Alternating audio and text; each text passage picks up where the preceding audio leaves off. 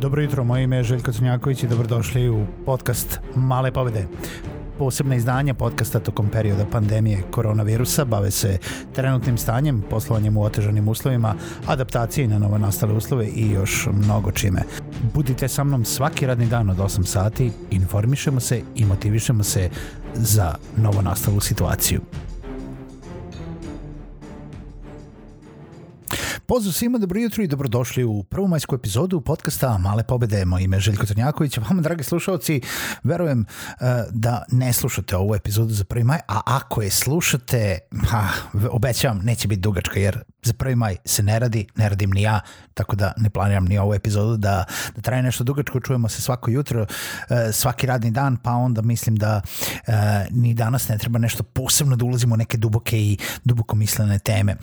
Pozivam vas naravno da mi pišete na željkojetmalepobede.rs, da mi date komentare, da mi date ideje šta bi mogu da vam kažem, ali i da mi date feedback kako vam se sviđaju do sadašnje epizode ili da čekirate malepobede.rs i a, pogledajte šta sve ima na sajtu, možete da se prijavite na newsletter, možete da se prijavite na podcast, možete da se prijavite na kurs, možete da se prijavite za neke usluge, svašta ima. Pogledajte. Želim da se posebno zahvalim moja tri verna Patreona eh, koja me prate od kako sam otvorio Patreon nalog. Eh, istina, nije ni manje ni više, ali ovaj, uvek je ta tri i ta tri me verno prate i slušaju i ovaj, daju podršku, tako da hvala svoj trojici.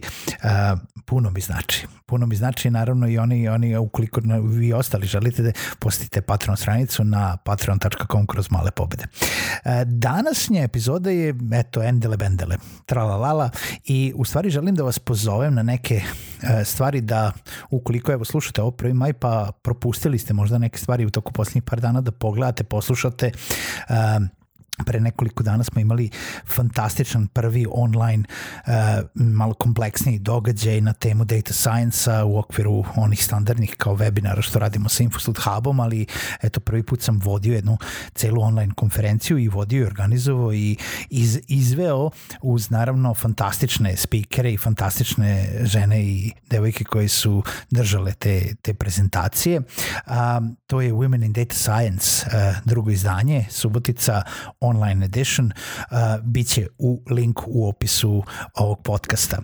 Uh, Juče uh, je bio poseban webinar za Evropsku coworking asocijaciju uh, gde sam pričao sa Pauline Roussel uh, vezano za situaciji sa coworking prostorima u svetu tokom pandemije, ali i o nečemu što se zove virtualni coworking. Tako da ako vam je to zanimljivo i razmišljate o tome da morate da sedite kući, a coworking ili bilo bi dobro da se družimo s nekim, a ipak sedimo kući, u stvari ne da se družimo, više da radimo zajedno ili više da dobijemo neku motivaciju za rad. U svakom slučaju pogledajte, veoma interesantno, pogledajte, poslušajte isto link u opisu ovog podcasta. Sledeće nedelje za one koji vole podcaste, imamo webinar sa Vladimirom Radinovićem, jednom od osnivača uh, ovaj, platforme, dobro poznate platforme za sve one koji su u podcast svetu, podcast.rs koji okuplja sve podcaste uh, u Srbiji i regionu kojih ima već preko 60, fantastično, ovaj, zar ne? I samim time vidimo da podcast dobija na značaju uh, u ovom uh, regionu i u našoj zemlji, ali više o tome pričam sa Vladimirom u četvrtak 7. maja od 20 časova, link za prijavu u opisu ovog podcasta. I tako i svake nedelje se dešava nešto. Pored toga što imate male pobede svaki dan imate podcast.rs gde možete da otkrijete sve domaće podcastove e, koji se nalaze i koje možda možete da nađete nešto novo, interesantno što bi slušali, a što nije vezano samo eto za e, neki svet e, preduzetništva, neke late, neke savete u poslovanju, nego ima tu i mnogo drugih stvari i kulture i muzike i filma i, i svašta drugoga, tako da poslušajte, pogledajte, čekirajte, sigurno će biti nešto ekstra, a naravno posle toga sa Vladimirom snimamo i jednu kratku epizodu za podcast Male pobede, to će biti negde za nedelju dana u naredni petak.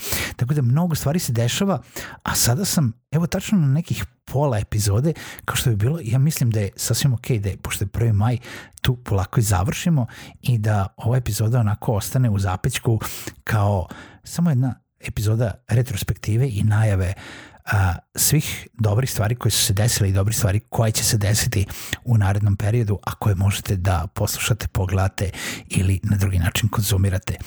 Uživajte u 1. maju, uživajte sa svojim porodicama, nemojte danas da radite, 2. maja već možete da radite, naš predsednik je rekao da, da može da se radi 2. maja, e, da nema više policijskog časa, tako da e, meni dolaze neki majstori 2. maja, pa ćemo da vidimo šta, će, šta ćemo da radimo po kući.